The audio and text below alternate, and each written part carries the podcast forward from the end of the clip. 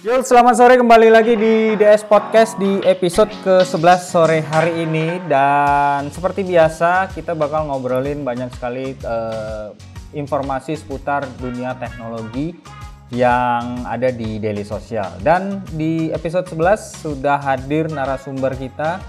Dia adalah nah ya, dia seorang reporter dari Daily Sosial TV ya. Reporter discussion lengkap ya?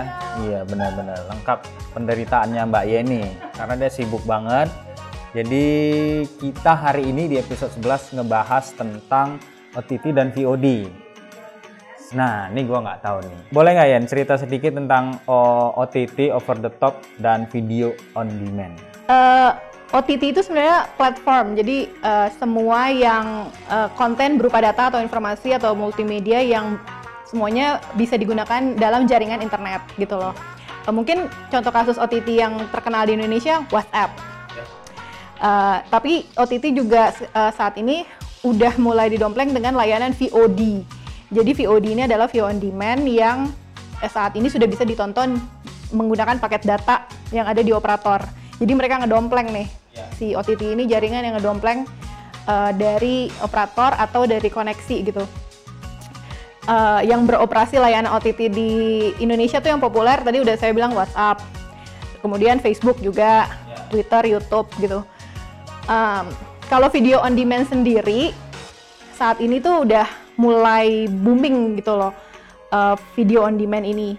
Em, persis tahunnya 2016 kayaknya ya sekitar segitu ya, tapi mungkin nggak terlalu banyak gitu. Eh, tapi perlahan tapi pasti berkembang. sudah mulai. Ah. Yang pertama kali saya inget banget waktu Netflix masuk tahun 2015 ya kalau nggak salah ya, atau 2016 lupa. Itu seneng banget, excited banget meskipun bayarnya masih pakai kartu kredit. iya agak ribet kayaknya ya Ah, ah. bayarnya ya Karena mereka itu sistemnya gratis di awal, tapi eh, untuk bisa subscribe harus kartu kreditnya harus di charge dulu gitu. Oke. Ibaratnya kayak di hotel gitu loh, di deposit dulu. deposit Nah, eh, Netflix ini adalah layanan VOD yang di Amerika Serikat tuh namanya udah bukan banget. Sampai ada istilah Netflix and chill. Em, ketika masuk ke Indonesia kita agak-agak surprise karena nggak ada waro-waronya. Tiba-tiba masuk. jebret Ah, masuk gitu benar. kan. Terus langsung, ah Netflix ada di Indonesia, yeay, langsung langganan semuanya. Tapi se- eh, setelah Netflix mulai banyak lagi yang muncul gitu dan eh, di antaranya mulai melokalisasi kontennya. Kalau Netflix sama sekali nggak ada. bebas ya Tapi Maksudnya- isu-isunya sih ada orang Indonesia nih yang bakalan mau incar, tapi masih isu. Mungkin nanti akan kita gali lagi. Saksikan terus nonton kok nonton. Tunggu beritanya di Daily Sosial. Jadi kebiasaan destur gue. Masa depan Netflix di Indonesia seperti apa? Eh, saya juga mau mention Hook.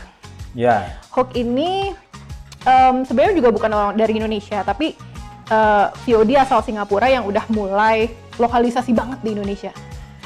Kebanyakan kontennya film Indonesia, karena mereka kerjasama dengan production house Indonesia. Jadi sinetron-sinetron tuh semuanya ada di sini.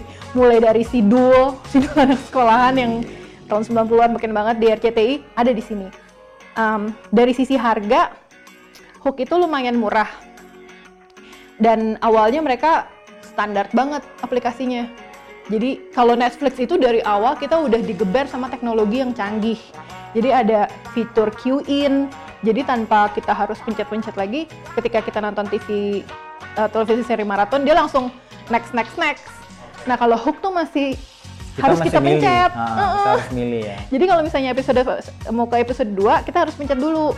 Kalau Netflix nggak, running aja. Iya. Nah, tapi sekarang tampilannya Hook udah lumayan. Kayaknya dia juga nggak mau kalah ya sama Netflix ya.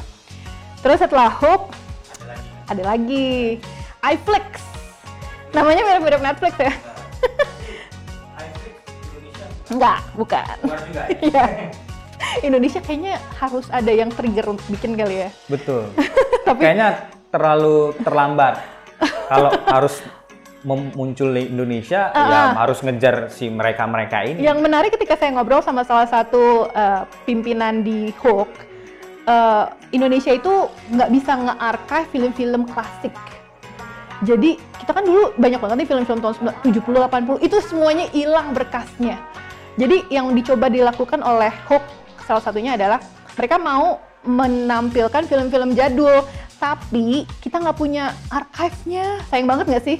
Kalau ada startup yang bisa bikin kayak gitu, saya rasa lumayan gitu loh karena uh, kegiatan streaming television video on demand sekarang udah bukan buat anak-anak muda aja, tapi kalangan orang tua ibu-ibu juga mungkin kayaknya udah mulai ngerti nih. Gitu Kalau kan. nggak kan. salah gue net, Netflix itu punya program merestorasi film lama ya. Oh gitu di Amerika ya?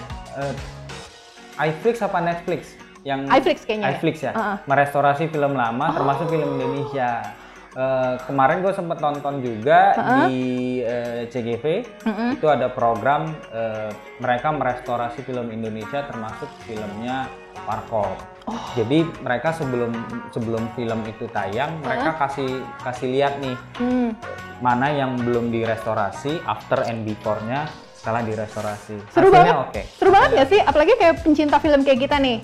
Bukan karena umur ya. Orang banyak yang bilang, ah lu suka film jadul karena umur. Bukan, tapi karena memang kayak film Amerika aja film-film yang tahun yang tahun 70 60 ini juga kita masih suka nonton sampai sekarang gitu loh. Kenapa nggak Indonesia kayak di sana di luar negeri gitu yang mereka tuh kayaknya bagus banget mengarchive uh, koleksi film-film uh, klasik mereka uh, gitu. Bagus ya D dari sisi dari sisi uh, manajemen untuk menyimpan itu ya men mendokumentasi. Iya. Film-film yang iya. di luar itu mereka sangat bagus. Bagus. Uh, uh, mungkin karena production house-nya juga tanggung jawab kali ya zaman dulu nggak ngerti juga kalau Indonesia mungkin kurang kali atau gimana nggak ngerti juga uh, pada akhirnya kalau kita suka browsing di YouTube sih masih ada beberapa film-film jadul tapi kan Indonesia tuh film jadulnya banyak banget dan film jadul itu bagus-bagus gitu cerita dari orang tua gitu loh dari tante segala macam kenapa nggak ada startup mungkin atau layanan layanan VOD lokal yang mencoba untuk mengarchive gitu gitu jadi jangan cuma disodorin film baru aja nih kita nih film baru kan banyak banget nih ada lagi ya? ada nih iFlix yang tadi gue bilang kan iFlix dari Malaysia by the way. Kemudian View. View ini jagoannya penggemar film Korea. Uh, View ini uh, cuma ada tiga film sih yang dia ituin uh, Korea Selatan, India dan Taiwan. Tapi ada juga beberapa film. Pokoknya dia kayaknya kalau nggak salah nggak ada film uh, westernnya nggak ada. Tapi teman-teman yang suka Korea sih ngefans banget sama View ini. Oke, dia berarti ngambil pasar Asia. Dan yang sekarang emang lagi booming banget kan, film baru sampai film yang lama itu ada semua di view. Lumayan lengkap dibandingkan dengan uh, VOD Korea yang lainnya. Kemudian ada juga Catch Play dari Taiwan yang baru diluncurkan Oktober 2016 lalu. Kemudian yang terakhir, ini jagoan gue selain Netflix. Amazon punyanya Om Jeff Bezos Amazon Prime Video. Nggak um, baru-baru banget sih 2017. Mm -mm. Saingannya Netflix lah. Uh -uh. Um, cuma perbedaannya atau keunggulannya apa menurut? Keunggulannya tetap aja sih Netflix ya, karena Netflix itu dia udah dari awal memang dari zamannya blockbuster dia memang udah fokus ke video. Kalau Amazon ini adalah salah satu bisnisnya si Om Jeff Bezos ini, dia mencoba untuk merangkul penggemar VOD untuk nonton layanan uh, eh, VOD mereka. Sama kayak Netflix, ada original productionnya juga, Amazon juga. Sama kayak Netflix, uh, Amazon juga udah banyak mendapatkan penghargaan. Uh, Netflix juga salah satunya House of Cards yang sudah banyak Emmy nomination. Amazon juga baru ya, terhitung baru tapi mereka. Jadi dia production sendiri. Jadi dia layanan, cuma dia bikin kayak Netflix pakai duit dia sendiri gitu loh dan itu di Amerika udah sering dapat penghargaan. Kalau bagusnya sih sama-sama bagus ya Amazon sama Netflix ya. Um, Pasti ada lah kekurangan. Kekurangannya mungkin karena Amazon masih baru jadi nggak terlalu lengkap ya. Kalau Netflix kan lengkap banget dan dia selalu diupdate dan dia berbagai macam gitu. Kalau dibanding yang lain eh, kekurangan dan kelebihannya hampir sama nggak ya? Dibanding yang lain-lain tadi. Kalau dari sisi harga mungkin ya. Iya, um, sisi harga memang sangat har, uh, Amazon dan Netflix sama-sama lah agak agak premium harganya dan uh, Amazon malah kayaknya belum bisa potong pulsa, carrier billing, masih basi kartu kredit. Dan Amazon nggak bisa Chromecast. Itu dia salah satu ke- kekurangannya Amazon. Jadi dia cuma bisa nonton di eh, smartphone aja, Uh-uh, sama di aplikasi di website pernah nggak sih? Kayaknya gue belum pernah nyoba sih. Oh bisa di kayaknya di website. Kalau Netflix bisa Chromecast, View juga nggak bisa Chromecast. Jadi View eh, benar-benar cuma nonton di smartphone aja. Tapi kalau iFlix, Hook sama Netflix bisa Chr- Chromecast. Kalau dari sisi pembayaran dan yang lainnya kelebihan kekurangan kita udah bahas. Terus eh, kalau dari sisi eh, pengguna, lu punya data mungkin ya pengguna nih ini paling banyak nih kayaknya dipakai let's say di Indonesia lah. Mungkin bukan data soal itu ya, tapi mungkin lebih ke demografi. Jadi satu lagi pengalaman eh, liputan ngobrol sama petinggi-petinggi Hook, iFlix gitu. Bisa dibilang penggemar Hook itu adalah orang-orang Indonesia yang di, di, di luar Jakarta. Jadi mungkin mereka kesulitan untuk dapetin hiburan ya. Jadi dengan mereka langganannya Hook, mereka bisa eh, dan apalagi sekarang kayak Hook dan iFlix bisa nggak ya TV agak lupa ya pokoknya Hook itu sekarang bisa nonton TV TV streaming jadi TV lokal bisa nonton di Hook. Jadi kan di- dia kalau bosan nonton video dia bisa nonton TV gitu. Dan TV itu gratis. Jadi kalau video mereka harus bayar kan per bulan. Tapi kalau TV itu gratis. Ah, ah, kalau kelebihannya. Kalau orang Jakarta mungkin hiburan banyak ya. Nonton bioskop filmnya paling baru gitu. Tapi kalau di daerah-daerah ternyata mereka kekurangan hiburan untuk menikmati film-film ini. Katanya sih dengan hadirnya VOD hook ke kota-kota ini mereka jadi ada option jadi bosan di TV mereka nonton hook gitu mungkin lebih ke sana ya tapi berapa banyak orang pengguna hook if iFlix Netflix tuh kayaknya belum terlalu mungkin kayak kita harus bikin survei kali Mungkin Berapa bisa jumlah? mungkin bisa dibilang ya sama lah sosok lah mungkin antara Eh, itu. nah itu satu lagi kembali lagi ke kebutuhan kita untuk nonton yang mana Iya, sekarang, sama selera gitu. Selera. Eh, kalau kalau menurut saya sih mungkin peng- penggemar Netflix dan Amazon adalah orang-orang kayak saya nih yang gila film dan suka western gitu. Tapi kalau misalnya kayak teman saya yang mungkin tinggal di luar kota, dia nggak terlalu familiar sama western, tapi dia suka banget sama film Indonesia, mereka pasti akan lebih langganan iFlix atau Hook. Mereka agak males sama Netflix sama Amazon karena ambrek banget nih filmnya. Jadi mendingan gue Hook atau iFlix aja deh, karena mereka udah lokalisasi banget gitu. Tergantung selera sih, Bi. Eh, ada informasi lain nggak yang bisa lu tambahin ya dari seputar eh, video on demand atau perkembangannya atau ada bocoran ada bakal munculan juga video on demand yang baru nih Sebenarnya ada beberapa kayak HBO, HBO Go kalau nggak salah namanya ya. Eh, di Amerika sih udah familiar banget. Tapi ternyata di Indonesia juga udah ada. Tapi dia itu bundling sama layanan TV kabel. Salah satunya First Media. Jadi kalau kalian pelanggan First Media, kalian bisa eh, langganan lagi untuk ikutan HBO Go ini dan kalian bisa punya license-nya untuk langganan HBO Go, bisa nonton di aplikasi tayangan-tayangan terbaru HBO. Tapi itu kayaknya nggak terlalu woro-woro gitu informasinya ya, mungkin cuma kalangan pengguna Pengguna itu dari aja gitu. Tapi menurut saya itu lumayan karena salah satu keuntungannya adalah HBO itu kan official Game of Thrones, salah satu serial TV favorit gitu loh. Jadi dengan langganan HBO Go, mereka nggak sempat nonton HBO atau mereka nggak langganan HBO di jaringan TV kabel mereka, mereka bisa nonton di aplikasi gitu loh. Seru banget kan? Heeh, karena itu eksklusif banget gitu. Eh, itu sih kayaknya, itu lebih dari pengalaman pribadi aja. tapi kalau dari sekar apa perbedaan kali ya TV kabel sama video on demand Kalau TV kabel masih ada iklan ya, agak nyebelin sebenarnya. Jadi tiba-tiba kita lagi nonton, karena kan kita udah bayar nih, tapi ternyata masih ada diselipin iklan-iklan. Kalau VOD, kalau kita udah langganan pure nggak ada iklan sama sekali, sampai bego nonton tuh sampai pagi nggak akan ada terselip iklan karena mereka konsisten gitu. Kalian udah bayar, kita nggak akan selipin iklan. Kalian mau gratisan, kita kasih iklan. Itu kali bedanya.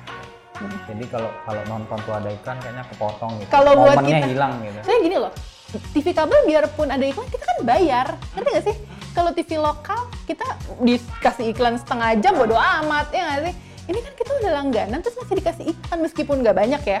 Tapi annoying gitu loh. Kita lagi nonton um, misalnya Empire atau Scandal. Tiba-tiba ada iklan sikat gigi atau iklan mie gitu. Kan kita kan bayar. Iya, dan pada akhirnya sekarang iya orang jadi agak-agak males karena banyak VOD ini VOD ini mereka mau aku mau nonton Friends ah di Netflix. Nonton aja Friends gitu kan. Aku males nonton ini gue mau nonton ini. Ah sebenarnya kan kalau TV kabel kan tetap aja sesuai dengan schedule ya. Jadi jam segini lo Scandal jam segini lo uh, Top Chef jam segini lo uh, Master Chef kayak gitu-gitu.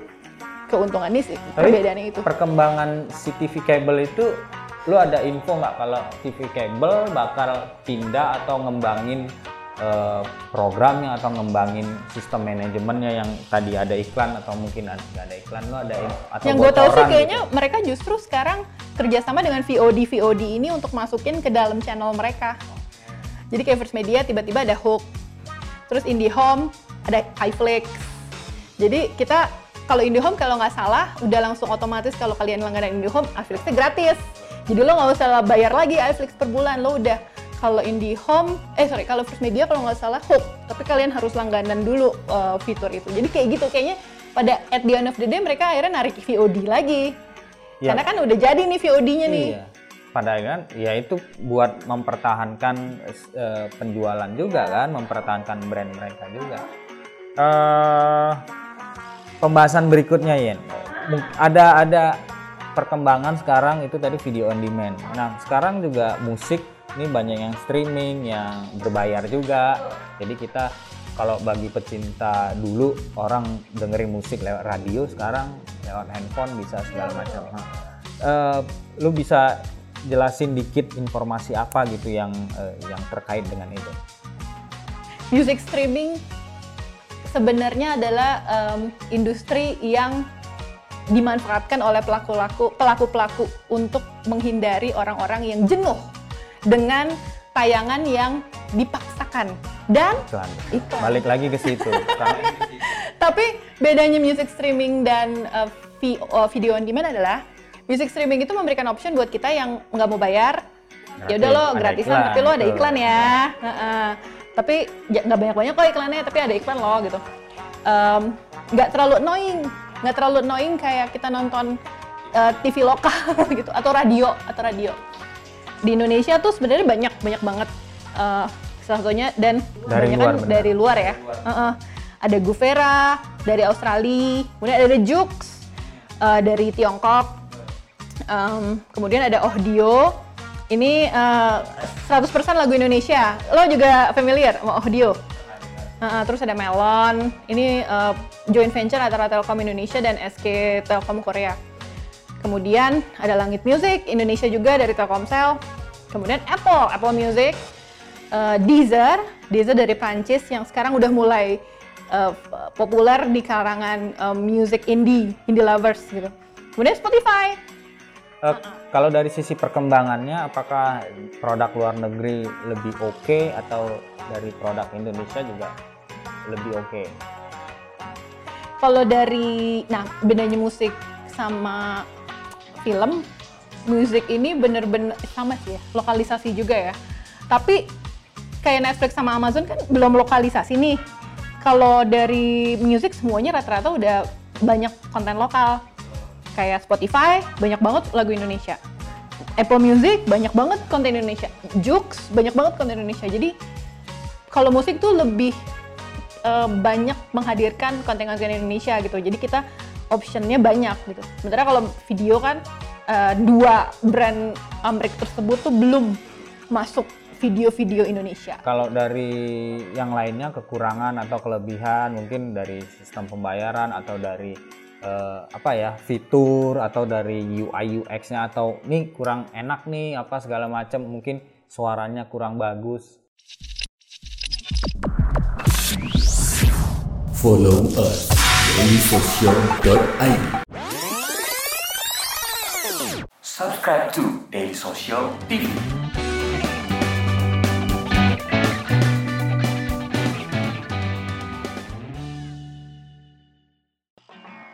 Kalau dari yang lo bilang itu eh, mungkin lebih fitur ya, sama option eh, archive songnya. Uh, gue sih ngelihat, gue udah beberapa kali nyoba uh, yang tadi gue sebutin itu, nggak ada yang paling lengkap selengkap Spotify. Spotify tuh lengkap banget, uh -uh, makanya mereka mereka tuh berani ngeluarin uang untuk bayar royalti ke artis demi memenuhi kebutuhan dari uh, user kayak kita.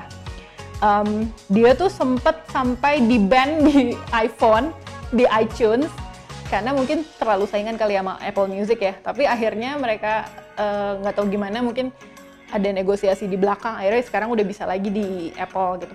Karena mereka populer banget. Jadi konten Indonesia itu banyak. Di setiap negara juga mereka menyesuaikan gitu. Harganya juga nggak mahal. Meskipun sekarang kayaknya udah agak naik gitu ya. Pilihan pembayaran juga fleksibel gitu. Tapi juaranya adalah konten. Kontennya banyak banget. Lengkap banget. Nah lo mau lo mau nyari apa aja? Search.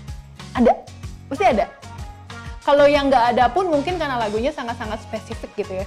Kayak kemarin gue tiba-tiba pengen dengerin Brian May salah satu gitarisnya Queen. Kok lagunya nggak ada ya? Terus gue search di mana-mana emang nggak ada. Mungkin dari si Brian May-nya nggak mau dipublish di online kali ya kayak gitu juga. Tapi mostly lagu-lagu mainstream itu ada di Spotify. Kalau yang lu bilang Apple Music tadi gimana sekarang kan banyak nih pengguna eh, handphone Apple gitu kan iPhone. Dulu tuh dia sangat-sangat niche. Lagu-lagunya kekinian doang nih ajeb-ajeb club rave gitu loh. Which is uh, seperti yang gue bilang niche. Nggak semua orang suka lagu-lagu seperti itu. Mungkin kalangan-kalangan milenial sekarang suka. Tapi kan yang gunakan iPhone justru gue ngeliat lebih kalangan 30 something ke up gitu ya uh, businessman eksekutif muda segala macam makanya iPhone gitu kan terus gue lupa persisnya kapan mereka nge-revamp tampilan baru tiba-tiba pas gue buka loh kok ada playlist love song, Mulai di kotak-kotakin ya, 80s, 90s, iya.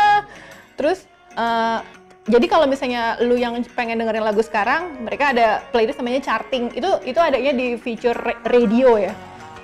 Terus gue gue agak kaget kan, wah oke okay juga nih. Mirip-mirip kayak Spotify, cuma curated musicnya lebih lebih wide, lebih luas. Anti mainstream kalau menurut gue.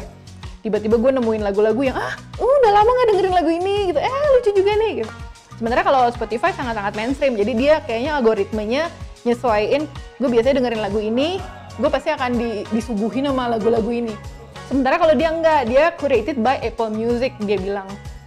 Satu lagi B Apple Music ada MV-nya ada videonya ada jadi orang bisa dengerin lagu sama video klipnya yeah Ya, ada lyrics juga. Gue belum ngoprek-ngoprek lagi sih Spotify ada apa enggak ya? Karena selama ini gue cuma dengerin Spotify untuk playlist gue doang ya. Tapi kalau Apple Music tuh kita bisa nontonin video klip artis-artis terbaru sama artis tahun 90-an kalau nggak salah. Jadi kalau nonton di iPad atau nonton di MacBook atau nonton di iPhone, lo bisa nonton video musiknya tanpa harus ke YouTube untuk cari video musik artis Tapi, yang lo suka. Uh, sampai saat ini ya, kalau menurut lo dari video on demand sama uh, streaming musik yang paling ini gua banget dan mungkin kalau memang ada lagi lain yang lebih bagus mungkin lu bakal pindah. Tapi untuk Hani kan nggak ada. Apa dari streaming musik sama video on demand? Mungkin ke, bukan cuma gue kayaknya ya orang yang langganan video on demand sama music streaming itu ganti-ganti. Jadi gue mungkin loyal sama Spotify tapi kalau gue bosen gue akan stop dulu langganan gue gue ke Apple Music gitu. Sama juga kayak video on demand. Gue bosen sama film-film yang ada di Netflix. Gue stop dulu nih. Gue pindah dulu ke iFlix atau ke Hook gitu. Karena sangat-sangat seamless proses untuk gue berhenti sama gue langganan lagi itu seamless potong uh, biayanya juga bisa carrier billing bisa segala macam bisa e-wallet gitu segala macam jadi mungkin kalau kayaknya sih mm, nggak gue doang, tapi mungkin penggemar video on demand sama music streaming juga melakukan itu. Karena lu Bosen di gitu sisi loh. penikmat ya. Iya, mungkin kalau di sisi uh, produksi dan orang-orang yang berkaitan dengan uh, pembikin film, sutradara dan yang lainnya atau musisi mungkin mereka lebih ini ya, lebih apa namanya uh, di idealis, lebih idealis kan, bener. Ya udah gue karena gue sutradara gue sering bikin film yang mirip kayak begini di Amrik atau ini ya udah gue mungkin itu kali ya mungkin. Uh, uh, udah gitu mungkin gue lebih ke experience ya. Gue suka nyoba-nyoba yang baru. Jadi tiba-tiba ada nih Ona satu lagi layanan over the top uh, hasil joint venture-nya Telkom. Itu layanan OTT. Itu juga baru. Pokoknya gue selalu pengen nyoba yang baru gitu loh. Terus ada juga Tribe. Uh, dulu sih punyanya Excel. Uh, itu live. Jadi nggak ada tayangan live. apa ya? Nggak ada filter. Nggak ada filter. Maksudnya yang agak sedikit eh, vulgar ini, oh nggak, nggak ada ya. Enggak, enggak, enggak ada, enggak ada kayak gitu sih. Uh, overall aman untuk yang kayak gitu-gitu. Uh, maksud gue gini, uh, gue suka mencoba layanan-layanan baru di luar yang tadi gue sebutin tadi. Karena masih banyak bi. Ini yang gue sebutin ini adalah yang mainstream, yang populer di Jakarta di Indonesia. Tapi di luar itu masih banyak layanan-layanan lain yang muncul gitu loh. Ketika ada yang baru, gue nyoba. Gue lagi browsing nih di Google Play Store, gue coba. gue lagi browsing di iTunes, gue nyoba gitu. Seru aja gitu. Tapi at the end of the day, gue akan kembali lagi ke Netflix, ke Amazon. Itu doang ya. Kalau tips eh, berlangganan musik streaming, lu ada nggak? Ah, ba- bagusnya begini atau gak usah begitu gitu? Ada ada sisi dari lu sendiri deh. Salah satu keuntungan langganan Netflix aja adalah lo bisa nonton sitcom Friends. Dulu tuh Friends tuh ada di iFlix, ada di Hope. Tapi Netflix akhirnya memutuskan uh, rights-nya diambil. Jadi kalau lo kangen pengen nonton Friends, lo langganan Netflix. Tapi kalau lo pengen nonton film Indonesia, lo langganan iFlix dan Hope. Lo pengen nonton Korea, lo nonton Viu. Uh-uh. Itulah enaknya video streaming. Jadi meskipun em, banyak, tapi masing-masing punya kelebihan. Iya. Betul. Itu dari VOD ya. Tapi kalau dari music streaming sih kayaknya sama aja sih. Cuma mungkin ya lebihnya Spotify aja sih. Eh, bank musiknya tuh banyak banget gitu. Selebihnya overall sama. Ada lagi Yan, yang mau ditambahin? Mungkin eh, lu punya bocoran apa gitu setelah ketemu liputan dengan siapa dengan siapa? Mungkin perkembangan di Indonesia sendiri dengan eh, video on demand dan musik streaming ini. nggak ada sih cuma mungkin hmm, apa ya? Kalau gue kebetulan emang suka banget sama tayangan-tayangan kayak gini. Jadi eh, buat gue sih itu jadi suatu hiburan. Jadi gue nggak ada antena atau apa di kamar gitu nggak ada TV kabel. Tapi gue cuma langganan itu doang. Itu udah hiburan banget gitu. Seben- sebenarnya eh, di luar VOD itu YouTube juga sangat membantu sih. Meskipun YouTube tuh kadang-kadang suka disempilin iklan gitu loh meskipun kita nonton di Chromecast juga. Tapi at the, di, at, the, uh, at the end of the day gue akan balik lagi ke layanan OTT ini untuk full entertainment uh, enjoyment gitu loh. Jadi buat pendengar podcast yang udah bosen sama layanan televisi lokal sama uh, TV kabel cobain aja dulu. Cobain aja dulu. Uh, harganya murah kok. Paling mahal tuh kalau nggak salah Netflix deh 100 sekian gitu. Worth it worth it banget. Kalau misalnya memang nggak suka ya udah berhenti aja gitu. Uh, yang paling murah kalau nggak salah Tribe. Tribe itu cuma 15.000 tapi uh, enjoyment kepuasannya itu lebih lo bisa nonton on your terms. Jadi lo nggak didiktate eh jam segini film ini loh gitu. Kalau ini nggak lo pengen tiba-tiba lo pengen nonton Batman Begins lo klik aja.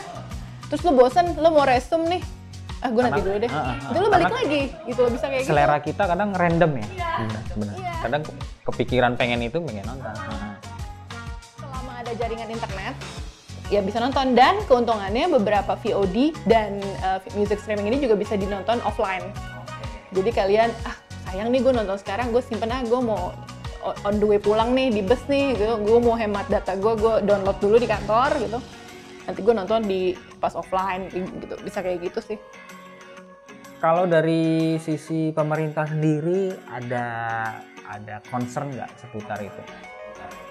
lebih ke itu yang tadi lo bilang bi eh, lebih ke sensor kayak Netflix, Hook, kayak gitu-gitu. Um, tapi sejauh ini gue langganan sih konten-kontennya cukup uh, oke okay lah karena masing-masing VOD itu ada dua option, kids sama adult. Jadi kalau misalnya lo mereka kan takutnya kan anak kecil nonton gitu loh. Tiba-tiba anak kecil nonton film-film yang keras gitu kan. Jadi dibikin dua option itu anak-anak. Jadi orang tuanya kalau mau ngasih ke anaknya diganti ke kids. Dia nggak akan bisa nonton film-film yang uh -uh. Jadi dengan option itu kayaknya udah mulai meminimalisir gitu. Terus karena sifatnya entertainment ya, dan bukan seperti layanan-layanan yang kemarin sempat kontroversi gitu ya, yang live streaming kayak gitu tuh. Uh, jadi kontennya tuh udah jelas gitu kan. Um, dan overall sih dari semua yang udah gue coba nggak ada kok yang terlalu vulgar gitu. Bener-bener sensornya tuh udah oke okay banget gitu. Dan ya betul. Dan kayaknya pemerintah juga nggak terlalu gimana-gimana banget sih kayaknya uh, kayak sempet kan si Netflix di ban di beberapa uh, layanan gitu ya. Tapi akhirnya sekarang uh, perlahan secara perlahan udah mulai bisa dinikmati gitu. Uh, karena kembali lagi karena nggak terlalu gede banget case-nya gitu, jadi mungkin ya udahlah gitu. karena ini kan cuma hiburan dan banyak gitu kan. Beda dengan layanan-layanan lain mungkin yang perlu ada aturan segala macem kayak gitu-gitu uh, mungkin terakhir tuh ya, mungkin terakhir dan gue seneng banget bisa ngobrol-ngobrol sama Yeni, Yeni Yusra dan terkenal banget nih di uh, Tapi sekali lagi ini adalah my point of view ya. Kalau misalnya ada mungkin pendengar yang bilang ah gue lebih suka hook karena ini gini gini gue gue nggak suka Netflix karena ini mungkin mm-hmm. itu bebas ya. Iya itu balik. Gue ngomong bukan dari sisi pakar tapi gue ngomong dari user user dari user. hardcore user nih gue nih untuk VOD dan uh, music streaming. Jadi kalau ada komen-komen ya bi ya ya favoritnya apa gitu kan bi? Boleh juga di share hmm, kan bi? pasti uh, ya bebas lah sekarang juga. Kayak kayak kita ini mau yang milenial mau yang uh, Gen Z pun mereka bebas kok.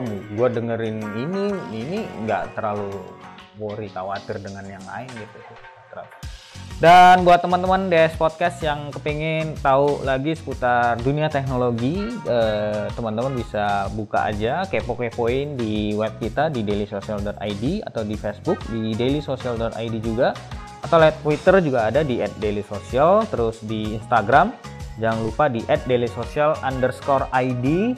Terus di YouTube ada Daily Social TV, itu ada discussion, ada tour, ada open box, terus ada apa lagi? Tech Fight ya, banyak banget. Dan gue udah ngobrol juga sama hostnya langsung. Dan terakhir kita ada di soundcloud.com, ada di podcast garis Daily Social. Jadi di SoundCloud ada, di Anchor ada, dan di Spotify juga ada. Jadi nanti teman-teman bisa dengerin DS Podcast. Informasinya sebenarnya ada di webnya Daily Social. Jadi ini sebenarnya cuma ngemindahin kalau orang malas baca mungkin orang bisa dengerin podcast. Itu aja terima kasih buat Yeni udah mau ngobrol bareng dengan gua di episode 11 nanti kita ketemu lagi mungkin di episode episode berikutnya kita ngobrolin apa nanti tungguin aja. Terima ya, terima kasih. Bye. Bye.